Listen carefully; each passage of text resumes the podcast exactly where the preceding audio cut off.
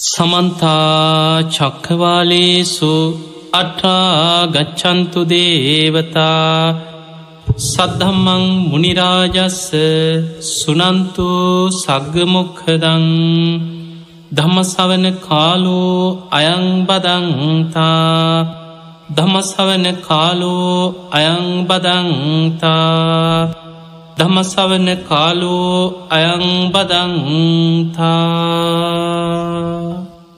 නමුතස්ස භගවතු වරහතු සම්මා සම්බුද්ධස්ස නමුතස්ස භගවතු වරහතු සම්මා සම්බුද්ධස්ස නමුතස්ස භගවතු වරහතු සම්මා සම්බුද්ධස්ස හැම දෙනාටම තෙරුවන් සන්න ප්‍රාර්ථනා කරනවා. අද ලෝකෙ තියෙන උතුම්ම පුුණ්‍ය භූමියක් වන බුද්ධගයා වජිරාසන පුුණ්‍ය භූමි අසල ජයශ්‍රී මහා බෝධීන් වහන්සේ සෙවනේ සිටයි. ඔබ මේ උතුම් ධර්ම දේශනාවශ්‍රවනය කරන්න. මේ ධර්මය ශ්‍රවණයක නොබ හැම දෙනාටමත් ලක්වාසි ලොවාසි හැම දෙනාටමත් මේ උතුම් ධර්මශ්‍රවනය නිවන් අවබෝධය පිණිස්සම පාරමිතාවක් බවට පත්වේවා කියලපි මුලින්ම ආශිර්වාද ප්‍රාර්ථනා කරන.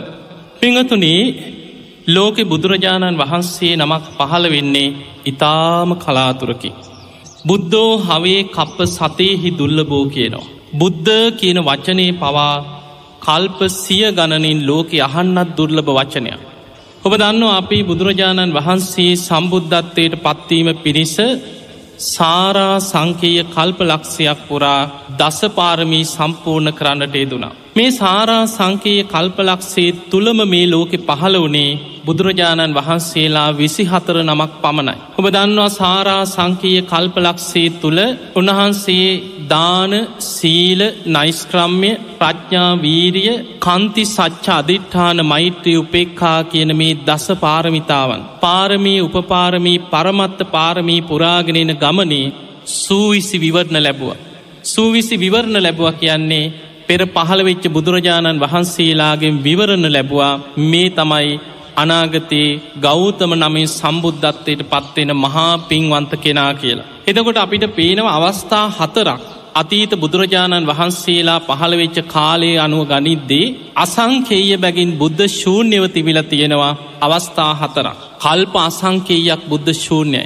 ඊට පස්සේ කල්ප විසි දහස කල්ප තිස් දහස කල්ප දහස් ගන බුද්ධ ශූන්‍ය කල්ප ගෙවිලා ගෙවිලා තමයි කලාතුරකින් බුදු කෙනෙක් පහළ වෙන කල්පයක් උදාවේ. ඊළඟට බුදුවරු දෙනම තුන්නම හතර නම උපරිම එකම කල්පයක් තුළ පහළවෙන්නේ බුදුරජාණන් වහන්සේලා පස් නමක් පමණයි. අපි මේ ඉන්නේ මහා බද්ධ කල්පය තුළ බුදුරජාණන් වහන්සේලා පස් නමක් පහළවෙන මහා බද්ධ කල්පේ. පිංහතුනි මේ මහා බද්ධ කල්පයේ පළවෙනි අන්තක්කල්පය තුළ කල්පයකට අන්තක්කල්ප ගණනාවක් තියෙන. අන්තක්කල්පය කියලා විස්තර වෙන්නේ ඒ කල්පය තුළ ජීවත්වෙන මනුස්්‍යයන්ගේ ආවිශ්‍ය කාලිකදි වැඩිවෙලා වැඩිවෙලා වැඩිවෙලා අවුරුදු අසංකේය දක්වාම වැඩිවෙන. අද අපිට හිතාගන්නවත් බෑ. එහෙම වැඩිවෙච් ආවිශ අඩුවේගෙන අඩුවේගෙන අඩුවේගෙන නැවිල මිනිස් ආවිශ අවුරුදු දහයටම පිරිහෙනවා. මිනිස් ආවිශ අවුරුදු දහයට පිරිහෙනකොට කෙලෙස් උත්සන්නවීම තුළ අන්තක්කල්ප විනාස සිද්ධ වෙන. ඒ විදිහ අන්තක්කල්ප හැට හතරක් එක කල්ප මහා කල්පයක් තුළ පවතිනවා. එතකොට මේ මහා බද්ධ කල්පයේ පළවෙනි අන්තක් කල්පේ. එදා අසංකයට වැඩිවෙච්ච මනුස්්‍යයන්ගේ ආවිශ අඩුවේගෙන අඩුවේගෙන අඩුවේගෙන ඇවිල්ල මිනිස් ආවිශ අවුරුදු හතලිස්දා ආසන්න වෙනකොට තමයි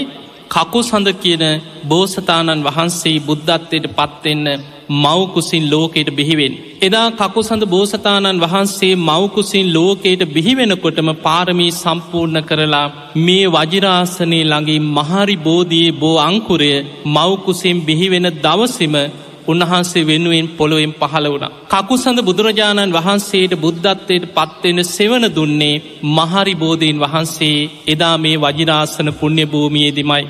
ඒ කකුසඳ බුදුරජාණන් වහන්සේත් සියලු බුදුරජාණන් වහන්සේලා සේවනය කරන මේ උතුන් වජිරාසන පුුණ්‍යභූමිය මතම වැඩඉඳලා නැගෙනහිර දිසාවට මුහුණලා රාත්‍රී පළවෙනියාමි පුබ්බේ නිවාසානුස්සතිඥානේ රාත්‍රී දෙවනියාමි චුතු පාතඥානේ රාත්‍රී තුන්වනියාමි පටිච්ච සමුපාදය අනුලෝම ප්‍රතිලෝම වසයෙන් විමසලා අවසන් වෙද්දී. හිමිදිරි උදෑසන නැගෙනහිරින් අරුණෝදයක් සමගම හිත කෙලෙසුන්ගේ මිදිලා සම්මා සම්බුද්ධත්වයට පත් වුණ. කකුසඳ බුදුරජාණන් වහන්සේ සම්බුදු කෘත්‍ය අවසන් කරලා පිරිනිවන් පෑවා අසංකීය ගණන් සත්වයන් මේ සංසාරදුකින් එතර කරවලා. උන්වහන්සේ පිරිනිවන් පාල බොහෝ කාලයක් යනකොට ඒ ශාසනයත් පිරිහිලා පිරිහිලා අවසන් වුණ. එදා හතලිස් දාහක් තිබිච්ච මිනිස්සුන්ගේ ආවිශ අඩුවෙලා අඩුවෙලා අඩුවෙලා ආයමත් අවුරුදු දහයට අඩුවෙලා පළවෙනි අන්තක් කල්ප විනාසි සිද්ධ වුණ. එතනින් ජීවිත බේරගත්තා ඉතාම සුළු පිරිසක්. ඒ අයගෙන් ආරම්භ වෙන්න මේ මහා බද්ධ කල්පේ දෙවනි අන්තක් කල්පේ. දෙවනි අන්තක් කල්පේ අර ඉතුරු එච්චායගේ ආවිශාය ටික ටික පරම්පරාවෙන් පරම්පරාවට වැඩිවේගෙන වැඩිවේගෙන වැඩිවේගෙන ගිහිල්ලා අවුරුදු අසංකේයට මාවිශ්‍ය වැඩිවෙච්ච කාලයක් එනවා. එහෙම අවුරුදු අසංකේයට වැඩිවෙච් ආවිශ එතන ඉදං ආයමත් පිරිහෙන්ට පටන්ගන්න. ආවිශ්‍ය පිරිහීගෙන පිරිහීගෙන ඇවිල්ලා මේ මහා බද්ධ කල්පයේ දෙවනි අන්තක් කල්පෙ මිනිස්සුන්ගේ සාමාන්‍ය ආවිශ අවුරුදු තිස්දාහක් වේගෙනෙන කාලෙ. ඕනාගමන බෝසතාණන් වහන්සේ පාරමී සම්පූර්ණ කරලා තුසිත දෙව්ලවින් චුතවෙලා පින්වන්ත මෑණියන්ගේ කුස පිළිසිඳගෙන හරියටම දස මාසයක් මවකුසේ වැඩිලා වෙසක්පුන් පොහෝ දවසක ලෝකයට බිහිවෙනකොටම මේ වජිරාසනය මතින් උන්වහන්සේ වෙනුවෙන් දිඹුල් බෝධීන් වහන්සේගේ බෝ අංකුරය පොළොවෙන් පහළ වෙන. කෝනාගමන බෝසතාණන් වහන්සේට සම්බුද්ධත්වයට පත්වෙන සෙවන දුන්නේ දිඹුල් බෝධීන් වහන්සේ. උන්වහන්සේ අභිනිස්ක්‍රමණය කරලා දුස්කරක්‍රියාවන් කරලා එදා මේ පුුණ්‍ය භූමියයට වැඩම කරනකොට සම්බුද්ධත්තය පිණිස්ස උන්වහන්සේය පිළිගත්තේ මේ වජිරාසන පුුණ්‍ය භූමියයේ උන්වහන්සේ වෙනුවෙන් පහළ වෙච්ච දිබුල් බෝධීන් වහන්සේ. ඒ බෝධීන් වහන්සේගේ නැගෙනහිර දිසාවට පෙර බුදුවරු සේම කුසතන එලලා මගේ ශරීරයේ සම්මස් වියලේවා ඇටනහර පමණක් ඉතිරිවෙතොත් ඉතිරිවේවා පුරුෂ වීරියෙන් පුරුෂ පරාක්‍රමයෙන් යම් ධර්මයක් අවබෝධ කරගත යුතුද මැරුණත් නැකිටින් නෑ කියන ඒ චතුරංග සමන්නාගත වීරියෙන් තමයි බෝසතාණන් වහන්සේලා බුද්ධත්තේ පිණිස වජිරාසනී වැඩයින්. ඒ අධිෂ්ඨානින් වැඩහිටිය කෝනාගමන බෝසතාණන් වහන්සේත් රාත්‍රී පළවෙනියාමේ පුබ්බේ නිවාසානුස්සතිඥානේ දෙවනියාමේ චුතුප්පාතඥානයේ රාත්‍රී තුන්වෙනියාම පටිච්ච සමුපාදයම අනුලෝම ප්‍රතිලෝම වසයෙන් විමසල අවසන් වෙනවා සමගම උන්වහන්සේගේ හිතත් කෙලෙසුන්ගෙන් මිදිලා මේ උතුම් පුුණ්‍ය භූමියම නැගෙනහෙර දිසාවට මුහුණල අරුණෝදයක් සමගම සම්මා සම්බුද්ධත්වයට පත්වෙනවා. කෝනාගමන බුදුරජාණන් වහන්සේට බුද්ධත්වයට පත්වෙන්න සෙවන දෙන්නේ මේ වජිරාසනය මතින් ඒ පුුණ්‍ය භූමියේ පැනනැක්ග දිඹුල් බෝධීන් වහන්සේදා බෝධිය බවට පත් වන. උන්වහන්සේගේ ශාසනී තුළ තුළත් අසංකේය ගණන් සත්‍යයන් සංසාර දුකින් මිදුණ. බොහෝ දෙව් මිනිසුන් අපි වගේම සද්ධාවෙන් එදා ඇවිල්ලා ඒ දිඹුල් බෝධීන් වහන්සේමේ වජිරාසන භූමියම පුද පූජාවන්ට පූජා ලැබුව. උන්වහන්සේත් පිරිනිවන් පාල බොහෝ කාලයක් යනකොට ඒ බුද්ධ ශාසනීත් පිරිහිලා පිරිහිලා අවසන් වෙලා ගිය. එදා තිස්දාහක් තිබිච්ච සාමාන්‍ය මනුස්්‍යයන්ගේ ආයු අපේක්ෂාව අඩුවේගෙන අඩුවේගෙන අඩුවේගෙන ඇවිල්ලා ආයමත් මිනිස් සාවි සවුරුදු දහයට ලංගුණ. ඒ වෙනකොට මිනිස්සුන්ගේ රාග දවේශ මෝහ ඇවිස්සිලා. මිනිස්සු සත්තු වගේ විකෘති වෙච්ච පිරිසක් කෙලෙසුන්ගේ. සත්‍යයන්ගේ විනාසයට දෙවනි අන්තක් කල්පයත් අන්තක් කල්ප විනාසකට ලක්වුණා. ඒ අන්තක් කල්ප විනාසෙනු ජීවිත බේරගත්ත ඉතාම සුළු පිරිසක්. ඒ අයගේ ජීවිත බේරුණාට පස්සේ අන්නේ අය කල්පනා කරා අනේ අපේ ඥාතින් අපේ යාළුවන් අපේ හිතවතුන් වැනසුනේ දුස්සීලකන් නිසා. ඒ නිසාපි ගුණධර්ම පුරමු කියලා ඒ අයි ගුණධර්ම පුරන්න පටන්ගන්නකොට පරම්පරාවෙන් පරම්පරාවට ආවිශ වැඩි වෙලා වැඩි වෙලා කාලයක් යනකොට ආයමත් අවුරුදු අසංකේය දක්වාම ආවිශ්‍ය වැඩි වුණා ඒ මේ මහා බඩ්ඩ කල්පේ තුන්ගනි අන්තක් කල්පේ. ඒ අසංකයට වැඩිවෙච්ච ආවිශ ආයමත් එතන ඉදම් පිරිහිගෙන පහලට පහලට අඩුවේගෙන ටිකටි අඩුවේගෙන අඩුවේගෙන ඇවිල්ලා. මිනිස් සාවි සවුරුදු විසිදාහට ලංවෙනකොට එදා පාරමී සම්පූර්ණ කළ බුද්ධත්වයට පත්වෙන්න බලාගෙන හිටිය කාශ්‍යප බෝසතාණන් වහන්සේ. තුසිත දෙව්ලොවින් චුත වෙලා පින්වන්ත මෑණියන්ගේ කුස පිළිසිඳගෙන දස මාසයක්ම මවකුසේ වැඩිලා. වෙසක් පුන් පොහෝ දවස්සේ මවකුසින් බිහිවෙනකොටම මේ වජිරාසන පුුණ්‍ය භූමියයේ නුග බෝධයේ බෝ අංකුරේ පහළ වුණා උන්වහන්සේ වෙනුවේ. එදා උන්වහන්සේ බොහෝ කාලයක් ගිහි ජීවිතය ගත කරලා සතර පෙරනිමිති දැක්කට පස්සේ අභිනිස්ට්‍රමණය කරලා දුස්කරක්‍රියාවන් කරලා කිරිපිටු දානෙත් වලඳල කුසතනමිටිත් අරගෙන මේ පුුණ්‍ය භූමියයට වැඩම කරනකොට උන්වහන්සේට බෝධිය බවට පත්වනේ නුග බෝධීන් වහන්සේ. කාශ්‍යප බුදුරජාණන් වහන්සේ ඒ බෝධි මූලේදි තමයි මේ වජිරාසන පුුණ්‍ය භූමිය මත්තම පෙර බුදුරජාණන් වහන්සේලා බුද්ධත්වයට පත්තේ චාකාරයටම නැගෙන හිර දිසාවට මුහුණලාම කුසතන මත වැඩඉඳලා රාත්‍රී පළවෙනියාමි පුබ්බේ නිවාසානුස්සතිඥානි දෙවනියාමි චුතෝපාතඥානි තුන්ගෙන යාම පටිච්ච සමුපාදයම අනුලෝම ප්‍රතිලෝම වසයෙන් විමසල අවසන් වෙද්දී උන්වහන්සේගේ හිතත් කෙලෙසුන්ගෙන් මිදිලා මේ මහා බද්ධ කල්පේ තුංගනි බුදුරජාණන් වහන්සේ හැටියට සම්මා සම්බුද්ධත්වයට පත්වෙනවා. පිංහතුනේ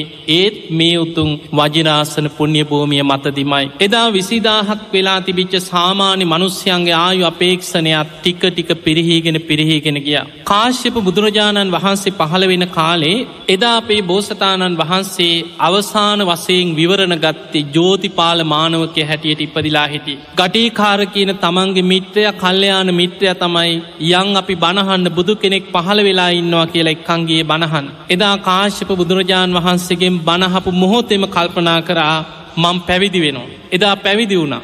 එදා කාශ්‍යප බුදුරජාණන් වහන්සේ විවරණ දුන්නා මේ තමයි මේ මහා බද්්‍ර කල්පයේ ඊළඟට හතරවෙනි බුදුරජාණන් වහන්සේ හැටියට සම්මා සම්බුද්ධත්වයට පත්වෙන මහා වීරියවන්ත කෙනා කියලා විවරණ දුන්නා අපේ බෝස්ථානන් වහන්සේට විසි හතරවෙනි වතාවට බුදු කෙනෙක්ගෙන් විවරණ ගත්තා. එදා බොහෝ කාලයක් සිල් ගුණ දහම් පුරාගෙන එදා කාශ්‍යප බුද්ධ ශාසනයේ කටයුතු කරලා මරණින් මත්තේ දෙව්ලොව ඉපදුනා. කාශ්‍යප බුදුරජාණන් වහන්සේත් පිරිනිවන් පෑවා කාලයක් යනකොට උන්වහන්සේගේ ශාසනයත් පිරිහිලා පිරිහිලා අවසන්වේගෙන ගිය. එහෙම ශාසනී පිරිහීගෙන යන කාලේ දෙව්ලොව හිටිය අපේ බෝසතාණන් වහන්සේ ආයමත් දෙව්ලොවී මනුලොවට ආවා සිටුවරෙක් හැටියට. එදා බොහෝම දනවස් සිටුවරේ. දවසක් කල්පනා කරා මගේ සිටුනිවස විශාල කරගන්න වටිනා දැව ටිකක් මහ වනාන්තරින් හොයාගන්න ඕන කියල්. එදා මහ වනාන්තරයට සේවකයෝ පිරිසක්කෙක් ඇවිදගෙන ගියේ තමන්ගේ සිටු නිවස විශාල කරගන්න වටිනා ගස් දැව හොයන්න ගිය. මෙහෙම යනකොට දැන් කාශ්‍යප බුද්ධ ශාසනය පිරිහීගෙන යන අවසාන කාලෙමි. සාමීන් වහන්සේ නමක් දකින්නත් දුර්ලබයි. හැබැයි මහ වනාන්තරය ඇතුළේ කැලේ ඇතුළේ ඉදං ස්වාමීන් වහන්සේ නමක් පාත්තරයක් කරගෙන ගම දිහාාවට කැලේ ඇතුළේ ඉඳං ඈතින් පින්ඩ පාති වඩින දර්ශනයක් නෙත ගැටුණ. අදහගන්න බැරිවුණා ස්වාමීන් වහන්සේ නමක් මේ මහ කැලේ ඇතුළි කොහිද වැඩඉන්න. එහෙම පිරිසත් එක් බෝසතාණන් වහන්සේ දාර සිටුවරයා ටිකක් හැංගිලා බලාගෙන හිටිය උන්වහන්සේ කොහෙටද වඩින් ගම පැත්තට වඩිනවා. උන්වහන්සේගේ පියවර සටහන් ඔස්සේ උන්වහන්සේ වැඩඉන්න තැන හොයාගෙන කැලේ ඇතුළටම ඇවිදගෙන ඇවිදගෙන ගිය. පියවර සටහන් අවසන් වෙන්නේ ගහක් යටි. කල්පනා කර උන්වහන්සේ නම් මේ ගහ යට තමයි වැඩ ඉඳලතියෙත්. අනේ අනේ උන්වහන්සේ සීතලින් පීඩාවට පත්වෙන්න ඇති. මැසි මදුරුවන්ගේ පීඩාවට පත්වෙන්න ඇති. උන්වහන්සේට වැස්සෙන් පින්නෙන් පීඩාවට පත්වෙන්න ඇති. මට මේ තරං විශාල සිටු නිවසක් තිබිල තමයි මං මේ තවත් දැව හොයන්න යන්නේ මගේ නිවස තවත් විශාල කරන්න. මේ යන ගමන පැත්තක තියලා බෝසතාණන් වහන්සේදා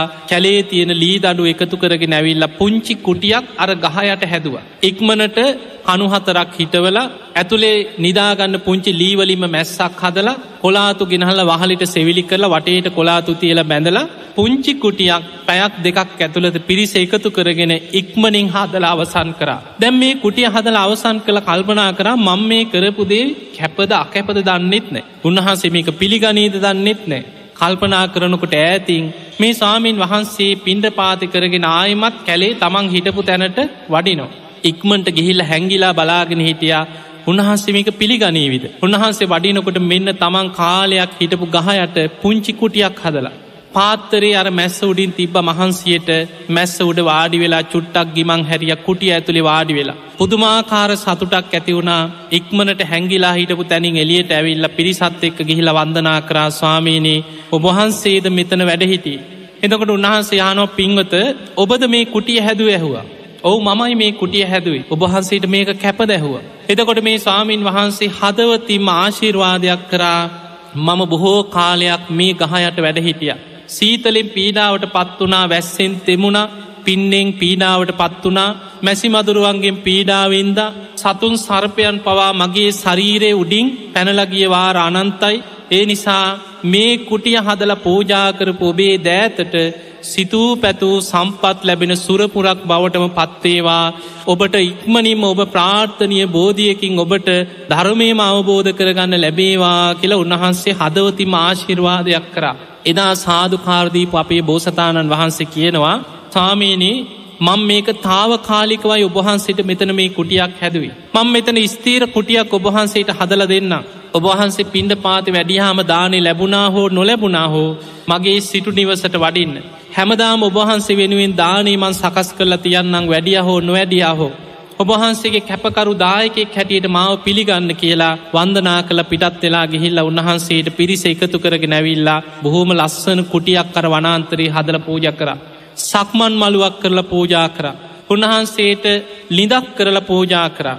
උන්වහන්සේට මේ වනාන්තරයේ තුළ වැඩඉන්න රිසිසේ කුටි සෙනසුන් හැටියට පුංචි ආරාමයක් සකස් කරා ඔය විදිහට දිවි ඇතිතෙක් මේ සාමීන් වහන්සේට ඇපවපස්ථාන කරා.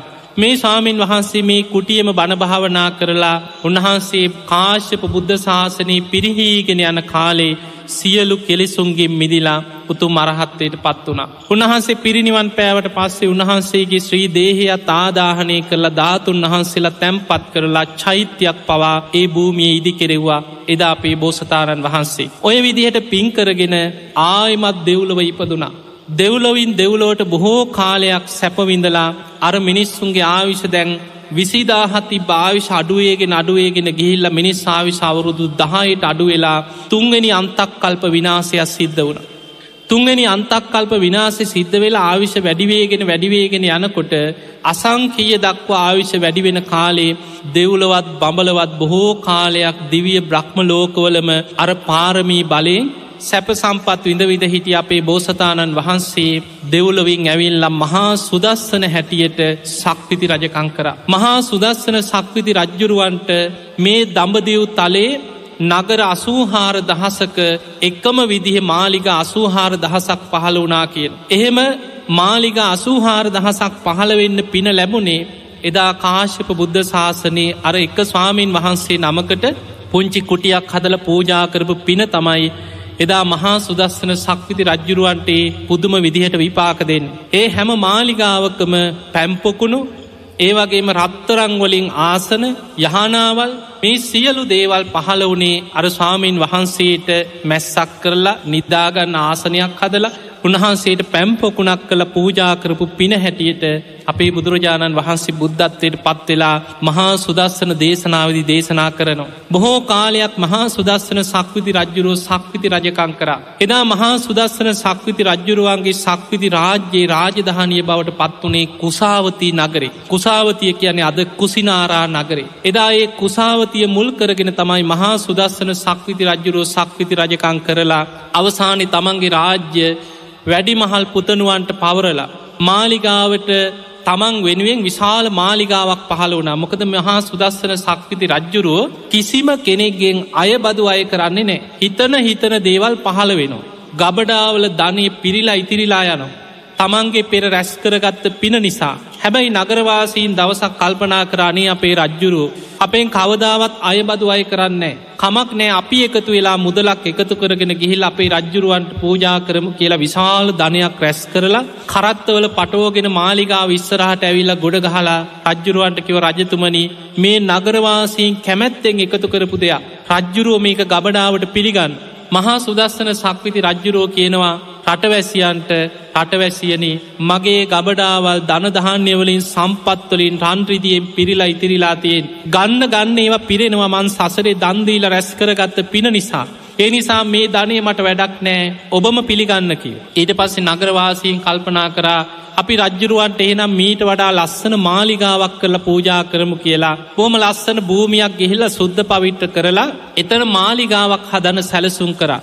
පහුවදා මිනිස්සු යනකොට මාලිගාව හදන්න කූටාගාර අසූහාර දහසකින් යුක්ත විශාල දිවිය විමානයක් වගේ මාලිගාවක් මහා සුදස්සන සක්විති රජ්ජුරු වෙනුවෙන් ඒ භූමියයේ පහළ වෙලා. නගරවාසීන් ගිහිල වන්දනා කළ ආරාධනා කරා සක්විති රජ්ජුරුවන්ට ඒ මාලිගාවට වඩින් හැබැයි රජ්ජුරුව කල්පනා කරා මම රජ කෙනෙක් හැටියට සක්විති රජ කෙනෙක් හැටියට කටයුතු කරා. මේ මාලිගාව මට පහළ වනේ පිනට. ඒ නිසා මම රජ කෙනෙක් හැටියට මේ මාලිගාව පිළිගන්නේ නෑ කියලා ඒ මොහොතෙම සුදු වස්ත්‍රීන් සැරසිලා තමන් උතුම් අෂ්ටාංග උපෝ සත සීලේක පිහිටලා. මාලිගාව පිය ගැට පෙළ ළඟට ගිහිල්ල පළවෙනි පිය ගැට පෙළ ළඟ අධිෂ්ඨානයක් කරා කාම විතර්ක මෙතන නවතිනු.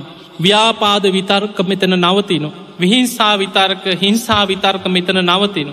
මගේ හිතේ කාමච්චන්ද ව්‍යාපාද තීනමිද්ද උද්දච්චිකුක්කුච්ච විචිකිච්ඡාදී නීවරණ මේ පිය ගැට පෙළේම නවතිනු කියන අධිෂ්ඨානයෙන් හොඳට සිහිය පිහිටවාගෙන පිය ගැට පෙළ නගිනකොට වාඩි වෙනකොටම හිත සමාධිමත් වුණා. බොහෝ කාලයක් අෂ්ට සමාපත්ති ලාබීව දෙහාන භාවනා වඩමින් මේ මාලිගාව කාලයක් ගත කරලා දවසක් හීනෙන් දැක්කා තමන්ගේ දේවියයි දරුව ටික දෙනාවයි එදා තමන් මුණ ගැහෙන්නේෙනවා. ඔය හීන දේවියත් දැක් එදා අමාත්‍යවරු ආහාර අරගෙන ආපු වෙලාවෙ දැනුන් දුන්න දේවියටත් දරුවන්ටත් අමාත්‍යවරුන්ටත් මාලිගාවේ මැදට රැස්වෙන්න කියන්න. බොහෝ කාලයක් දිහාන භාවනා වඩමින් වැඩහිටිය මහා සුදස්සන මේ බෝසතාණන් වහන්සේ අපේ බෝසතාණන් වහන්සේ මාලිගාවෙන් පහලට බහිනකොට ඇදක් පනවල තිබුණ. මේ ඇඳේ සිංහ සේයාවෙන් ඇලවෙනකොට දේවියට හිතුනා අනේ රජ්ජුරුවද මරණයට පත්වේද. ආවිස අවසන් වේද කියල හිතිලා දේවිය වැඳගෙන කියනවා රජතුමනි ඔබට අසූ හාර දහසක් මාලිකා තියෙනවා හැම නගරකම. අසූ හාර දහසක් අස්වරත ඒවගේම නොයෙක් විදිේ සැප සම්පත් මේ නගරේ පහළ වෙලා තියෙනවා. සක්විති රජතුමනි ආයමත් මේ සම්පත් ගැනම හිත පිහිටවාගෙන මේ මනුලව සක්විති රාජ්‍යයම හිත පිහිට වන සේක්වා කියව. එතකොට අපේ බෝසතාණන් වහන්සේ කියනවා දේවිය ඔය ආරාධනාව වැරදිී කිව. ඔබ මෙහෙම ආරාධනා කරන්න කීවා.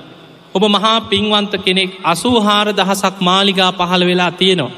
නමුත් මේ මාලිගාවන් සියල්ල නැසී වැනසී යන දේවල් අනිත්‍ය දේවල්.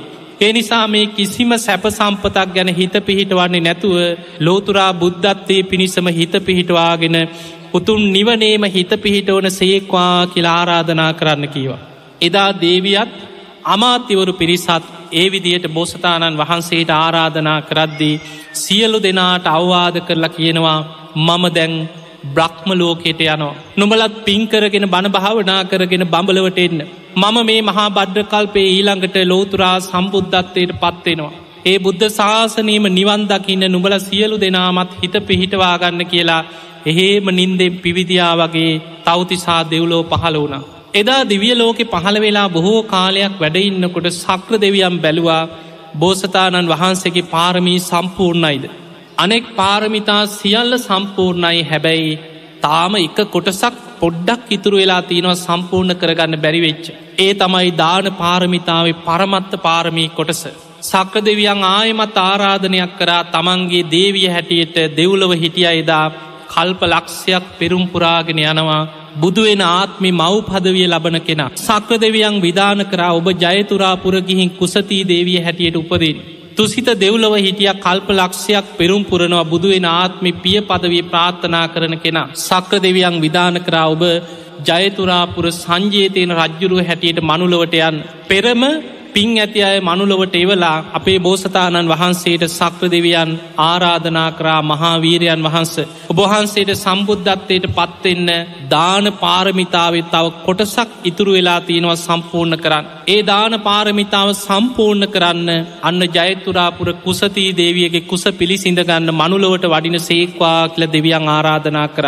එදා අපේ බෝසතාණන් වහන්සේ දෙව්ලවින් චුත වෙනකොට හැටදාහක් දෙවිවරු දෙව්ලවින් චුත වෙලා ඒ නගරේම අම්මලාගේ කුසවල්ලොල පිළිසිඳ ගත්තා. ඒ ආත්මි තමයි වෙස්සන්තරාත්මි. බුදුවෙන්න පෙර සක්‍ර දෙවියන්ගේ ආරාධනයෙන් දාන පාරමිතා පුරන්න මනුලොවට ආපු ආත් කුසතිී දේවියගේ කුස පිළිසිඳ ගත්ත වෙලේ දන් දේවියට හිතෙන්නේ දන් දෙන්නමයි. දවස ගානි දං වැටක් පැවැත්තුව ලක්ෂේ ලක්ෂේ වියදං කර කර දං වැටක් පැවැත්තුව. දරුව බිහිවෙන දවසේ දේවියට නගර සිරි නරඹන්න ආසාාවක් ඇති වුණා. මංගල සම්මත අමාත්‍යවරු ලවා නගර වීදි සංචාරය කරවනකොට වෙළඳ වීදියේදී දරුවා බිහිවෙන ලකුණු පහළ වුණා. ඉක්මනට වටතිර ඇදලා ආරක්ෂාව යොදලා දරුවා වෙළඳ වීදියේදිම බිහි වුණා එදා අපේ බෝසතාණන් වහන්සේ බිහිවෙන වෙලාවෙම ඉපදිච්ච ගමන් කතාකරපු එක ආත්මයක් තමයි වෙස් හන්තරාත් ඔබ අහලතියනවා බෝසතාණන් වහන්සේ ඉපදිච්ච ගමන් කතාකරපු ආත්ම තුනක් ගැන දේශනාවල තියෙනවා. එක ආත්මයක බෝසතාණන් වහන්සේ උපදිනකොටම සක්‍ර දෙවියන් සඳුන් ගැටයක් අතේ තියෙනවා. මේ පුංචි බෝසත් පුතා මෙහෙම සඳුන් ගැටේ අතින් අල්ලගෙන ඉන්නකොට අම්ම හුරත්තලයට වගේ ආදරෙන් ඇහු මොනවද පුතේ අතේ ඔයි කිය. අම්ම දිහා බලල කියනවා හිනා වෙලා අම්ම මේ මහා අවශ්‍යදයක් ඒ තමයි මහෝෂ්‍යධාත්මේ ඉපදිච්ච ගමන් කතාකරපය කාත්මය. ඊළඟට වෙස්සන්තරාත්මි දන් දෙන්නම මනුලවට ආපු ආත්මි. මවකුසින් බිහිවෙන වෙලාවෙම අම්ම දිහා බල ලහන්නේ අම්මේ දන් දෙන්න මොකුත් නැත් දැහව බිහිවෙච්ච වෙලාව. ඒ වෙලාවෙත් දහසක් පැඳි රන් කහවනු පොදියක් අතට ලංකරනකොට එහෙම පුංචි අත් දෙකෙන් අල්ල ළඟ හිටිය අම්ම කෙනෙකුට දිගු කර. මහපොලෝ ගිගුරුන් දෙමින් කම්පාවනා කියන.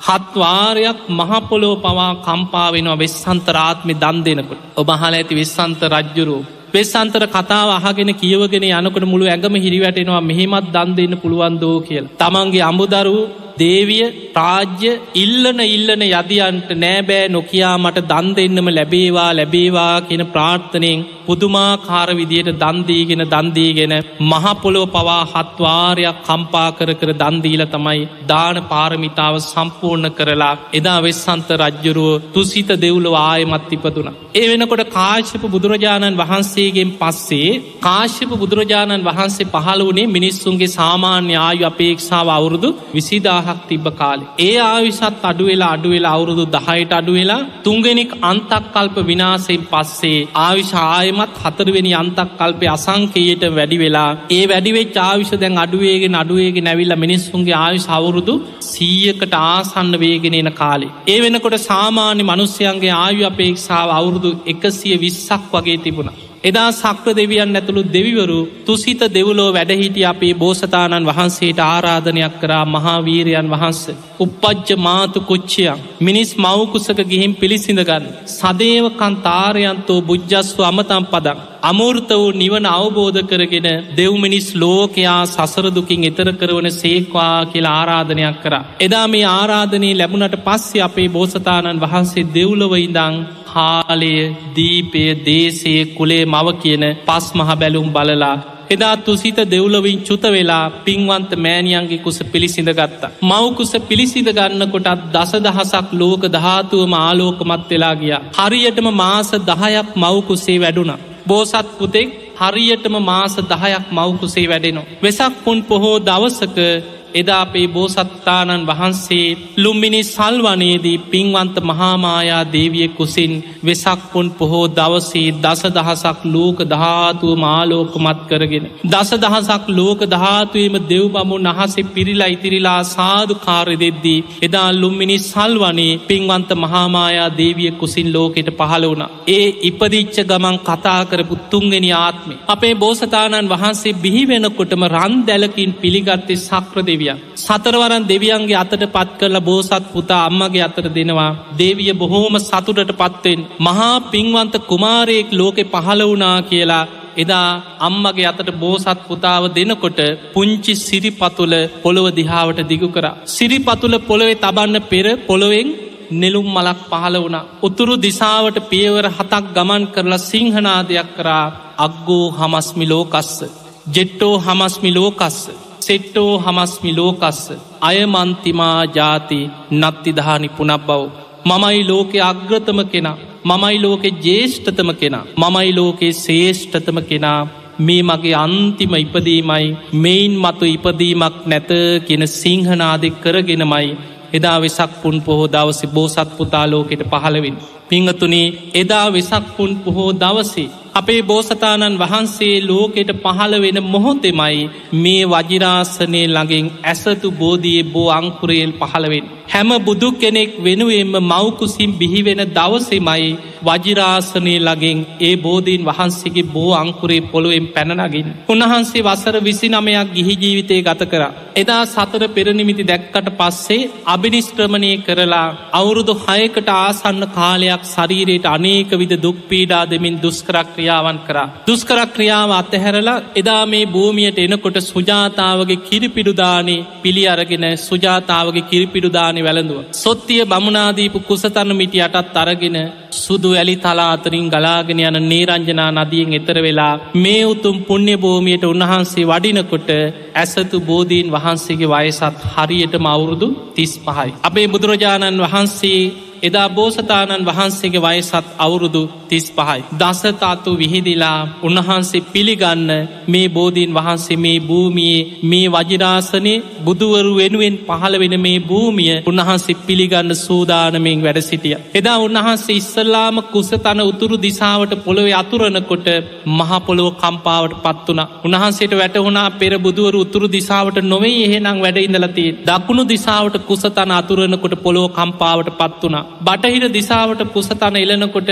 ආයිමත් පොලෝ කම්පාවට පත් වුණ. නැගෙන හිරට කුසතන එලනකොට පොලෝ වෙන සක් සිද්ධ උන්නේ නැගෙනර දිසාවට කුසතන එලලා උන්වහන්සේදා මේ වජිරාසන භූමියයේ මේ බෝධීන් වහන්සේ සෙවනේ මේ උතුම් පුුණ්‍ය භූමියයේ වැඩ සිටියේ පුදුමාකාර අධිෂ්ඨානයක් තුළ. මගේ ශරීරයේ සම්මස් වියලේවා. ඇටනහර පමණක් ඉතිරිවෙතොත් ඉතිරිවේවා පුරුෂ වීරියෙන් පුරුෂ පරාක්‍රමින් යම් ධර්මයක් අවබෝධ කරගත යුතුද ඒ උතුම් ධර්මය අවබෝධ කරගන්නේ නැතුව මං මේ ආසනීම මරණයට පත්වනත් මගේ ශරීරය ඇටමස් වේලිලා නහරවැල් ඉතිරි වෙලා මෙතනම මගේ ජීවිතය අවසන් වුවත් උතුම් ධර්මය අවබෝධ කරගෙන සම්බුද්ධත්වයට පත් නොවී නං මේ ආසනින් නැකිටින්නේ නෑමයිකෙන අධිෂ්ඨානයෙන් චතුරංග සමන්නාගත වීරියෙන් තමයි මේ වජිරාසනය මත වැඩහිටි. එදා අපේ බෝසතාණන් වහන්සේ චතුරංග සමන්නාගත වීරියෙන් වජිරාසනී වැඩඉන්නකොටම කලබලයට පත්වනේ වසවර්ති මාරය. එදා වසවර්ති මාරයක් දස බිම්බරක් මාර සේනා පිරිවරාගෙන ගිරිමේ කලා කියන ඇතුපිට නැගලා.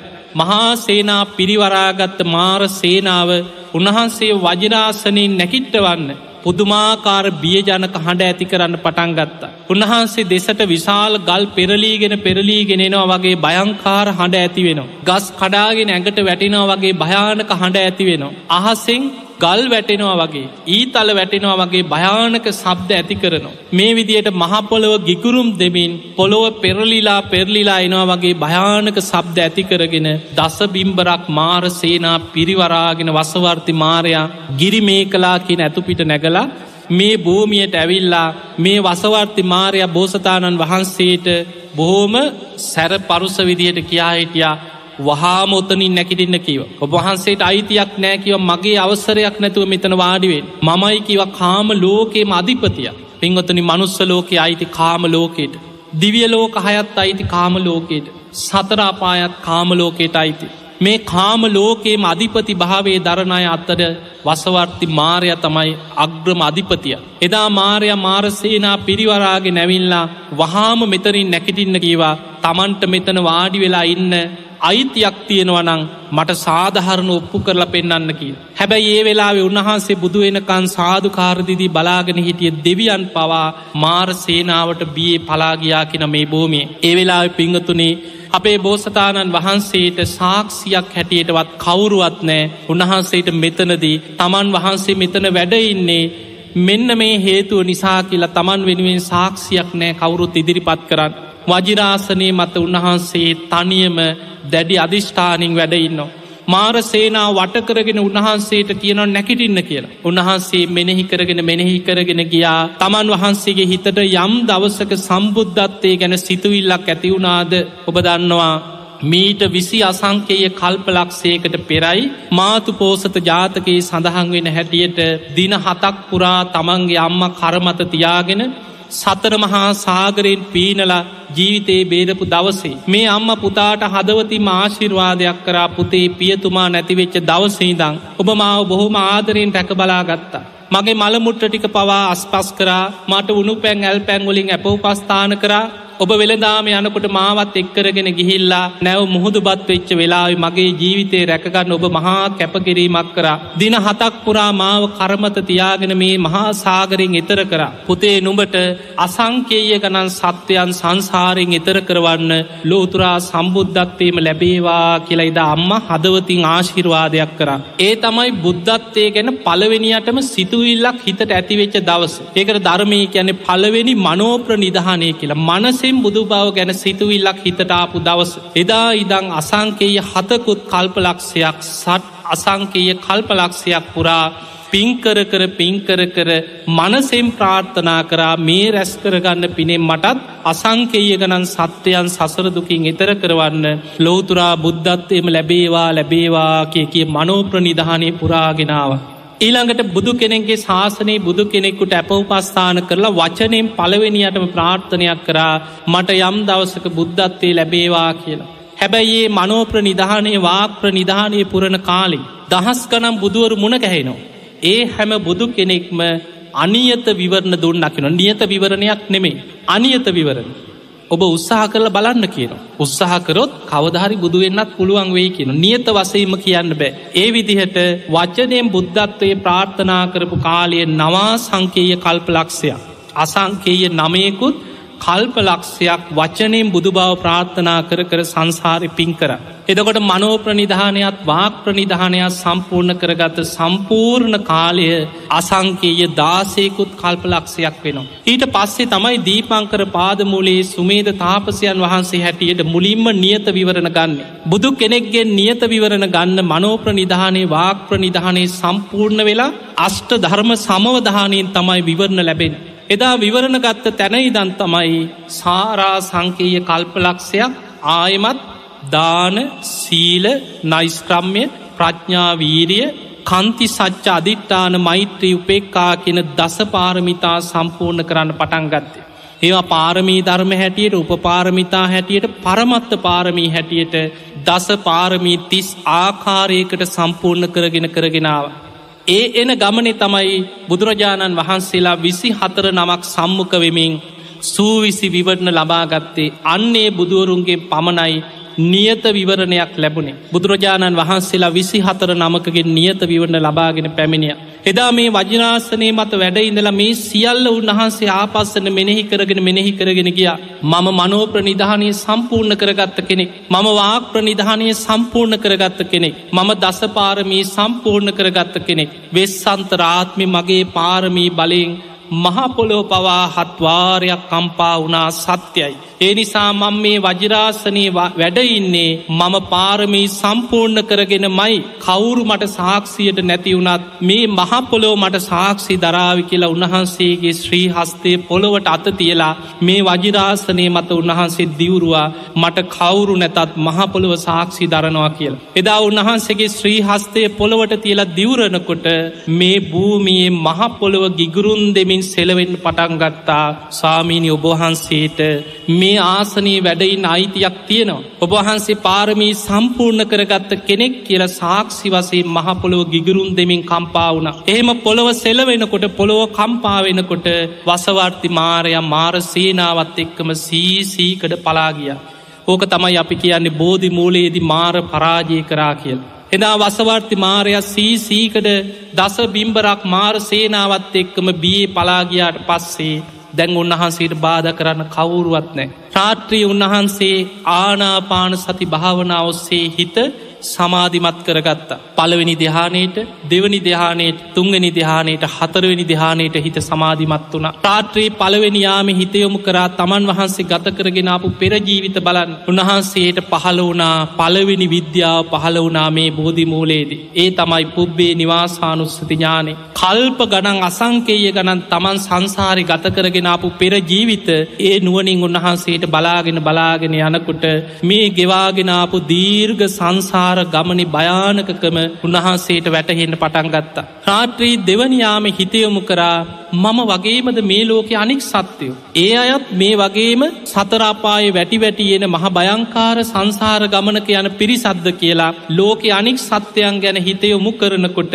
රාත්‍රී දෙවනියා මෙ උන්වහන්සේට දෙවනි විද්‍යාව පහළ වුණා ඒ තමයි චුතූප පාත ඥානෙ. ඒ ඥානයෙන් උන්වහන්සේට වැටහෙන්න ගත්තා සත්‍යයෙක් මැරුණට පස්සේ චුතවුනාට පස්සේ උපත කරායන ආකාරය දකින නුවන. චුතූප පාත ඥානේ. ඒ නුවනින් උන්වහන්සේ දැක්කා තමන් වහන්සේ වගේ මයි මේ ලෝක අනික් සෑම සත්වයෙක්ම. මරණයක් සමඟ සතරාපාය මහගෙදර කරගත්ත සංසාර ගමනකට ඇදිලයන් බොහෝ දෙනෙක් නිරේට ඇදෙනවා තිරිසං අපායවල්ලෝට වැටෙනවා. ප්‍රේතාපායවල්ලොල අසුරාපායවල්ලොලට වැටෙනවා. කලාතුරකින් මනුස්ස ජීවිතයක් ලබන්නේ කලාතුරකින් සුගතියකට දිවියලෝකෙකට ඇදිලයන්නේ මේ වගේ භයානක සංසාර ගමනකයි මේ වැටි වැටි මේ සෑම සත්්‍යයෙක්ම ගමන් කරන්නේ. රාත්‍රී දෙවනියාමේ උන්වහන්සේට මේ අවබෝධය ඇතිවුණා රාත්‍රී තුන්ඩනියාමේ උන්වහන්සේ විමසන්ඩ පටන්ගත්තා කුදස්සුනාම ඉමස්ස දුක්කස්ස නිස්සරනං හෝති. කවදාද මේ ලෝකෙ සත්‍යයන් මේ ජරාමරණ දුකෙන් මිදෙන්න කියලා රාත්‍රී තුන්නෙනයාම ජරා මරණවලට හේතුව විමසන්න පටන්ගත් විමසගෙන විමසගෙන යන්නකොට වැටහුණා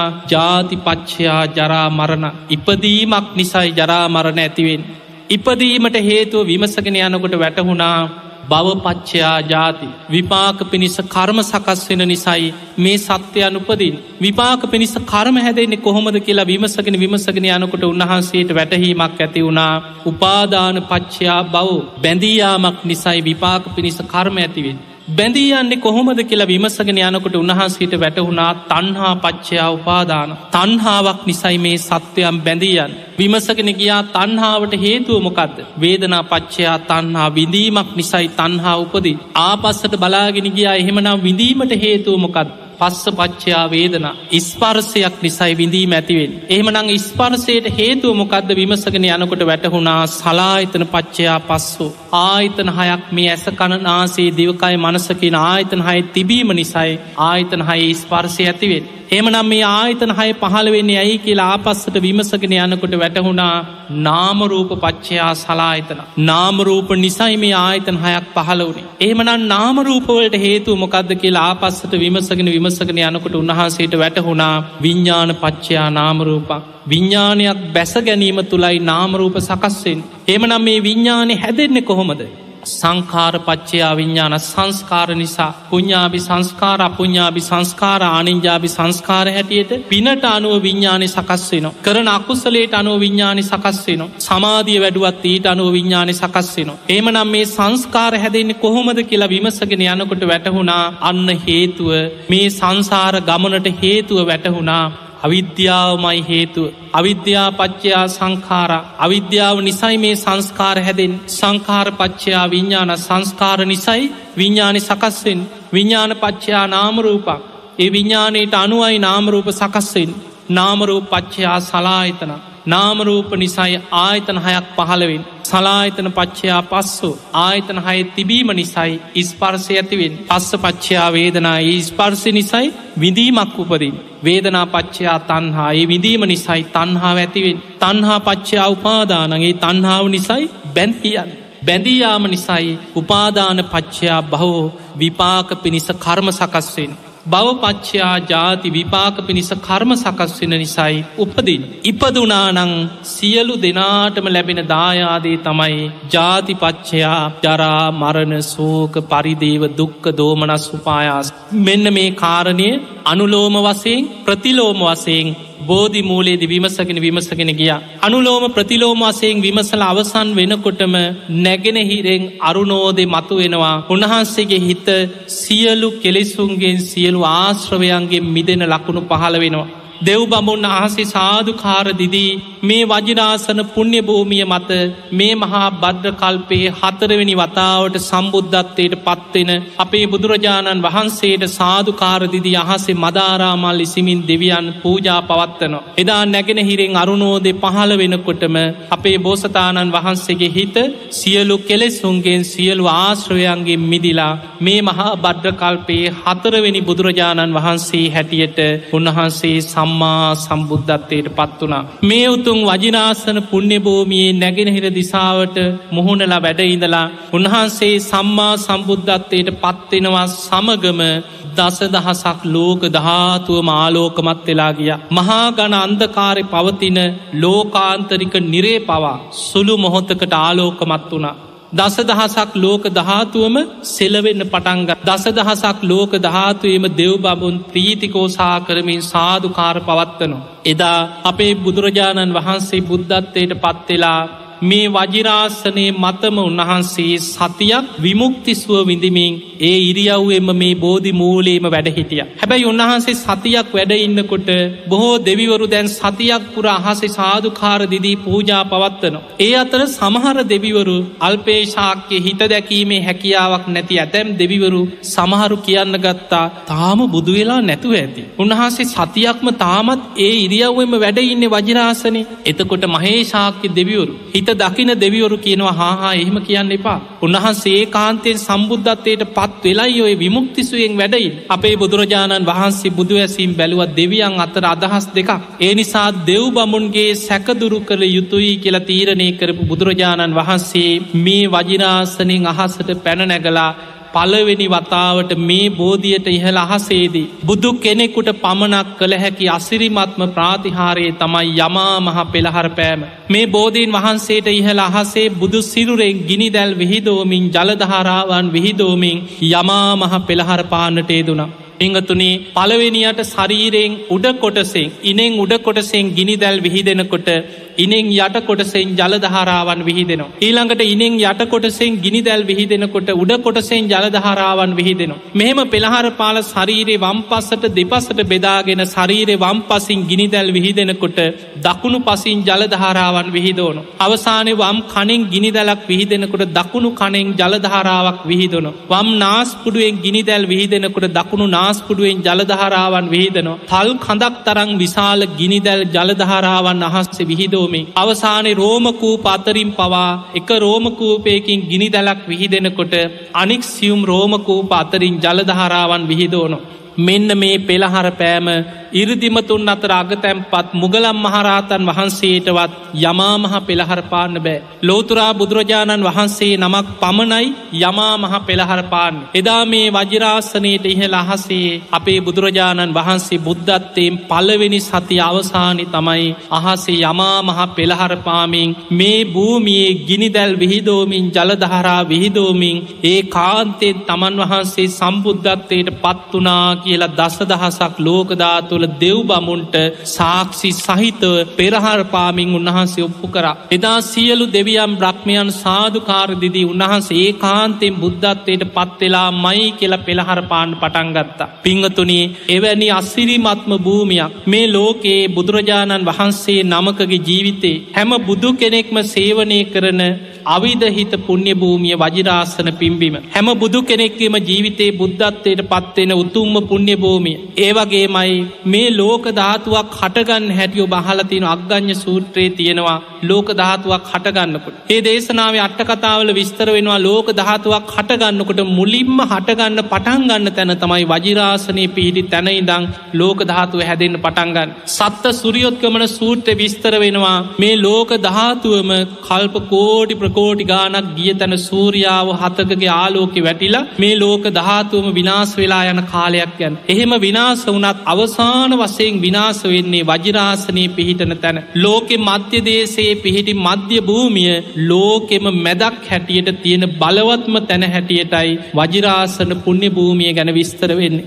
මේ වැනි උතුම් පුුණ්‍ය භූමියක ඔබ දන්නවා බුදුරජාණන් වහන්සේ පිරිනිවන් පාල දැන් අවුරුදු දෙදස් පන්සිය හැට එකත් අවසන්වේගෙන යන කාලයක්. හැබැයි බුදුරජාණන් වහන්සේගේ බුද්ධ ශක්තිය බුද්ධ අධිෂ්ඨාන ලෝකේ පුරා තාමත් පවතිනවා. උනහස්සගේ බුද්ධ අධිෂ්ඨානයෙන් දෙව් මිනිස්සුන් වන්දනා කරන ඒ උතුම් සාරීරික දහතුන් වහන්සේලා තාමත් දෙව් බමුන්ගේ වන්දනා ලබමින් ලෝකෙ පුරාම පවතිනවා. ඒ සියලු සර්වඥ දහතුන් වහන්සේලා තවවුරුදු දෙදස් හාරසිය ගණනක් ගිය තැන බුද්ධ අධිෂ්ඨානය මත මේ වජිරාසනයට ඉහළ අහසේදී බුදුරුවක් මවාගෙන ඒ බුදුරුවට සියලු සර්වඥ දහතුන් වහන්සේලා එකට එකතු වෙනවා. ඒ මැවෙන බුදුරුවේ නලල් තලේ ලලාට ධාතුන් වහන්සේ පිහිටනවා. ඒ මැවෙන බුදුරුවේ උරහිස් මත අකුධාතුන් වහන්සේලා දෙනම එදාට පිහිටනවා. ඒ බුදුරුවේ ශ්‍රීමුකේ තුළ සතර දළදා වහන්සේලා පිහිටනවා. අනෙක් සියලුම බිඳීගිය අබෑට ප්‍රමාණයට හඩ සහල් ප්‍රමාණයට මුම් පියලි ප්‍රමාණයට බිඳීගිය ද්‍රෝණ අටක් වෙච්ච සියලු සර්වඥ දහත්තුන් වහන්සේලා බුදුරජාණන් වහන්සේ පිරිනිවන් පාල අවුරුදු පන්දාහක් වෙන වෙසක් පුන් පොහෝ දවසේ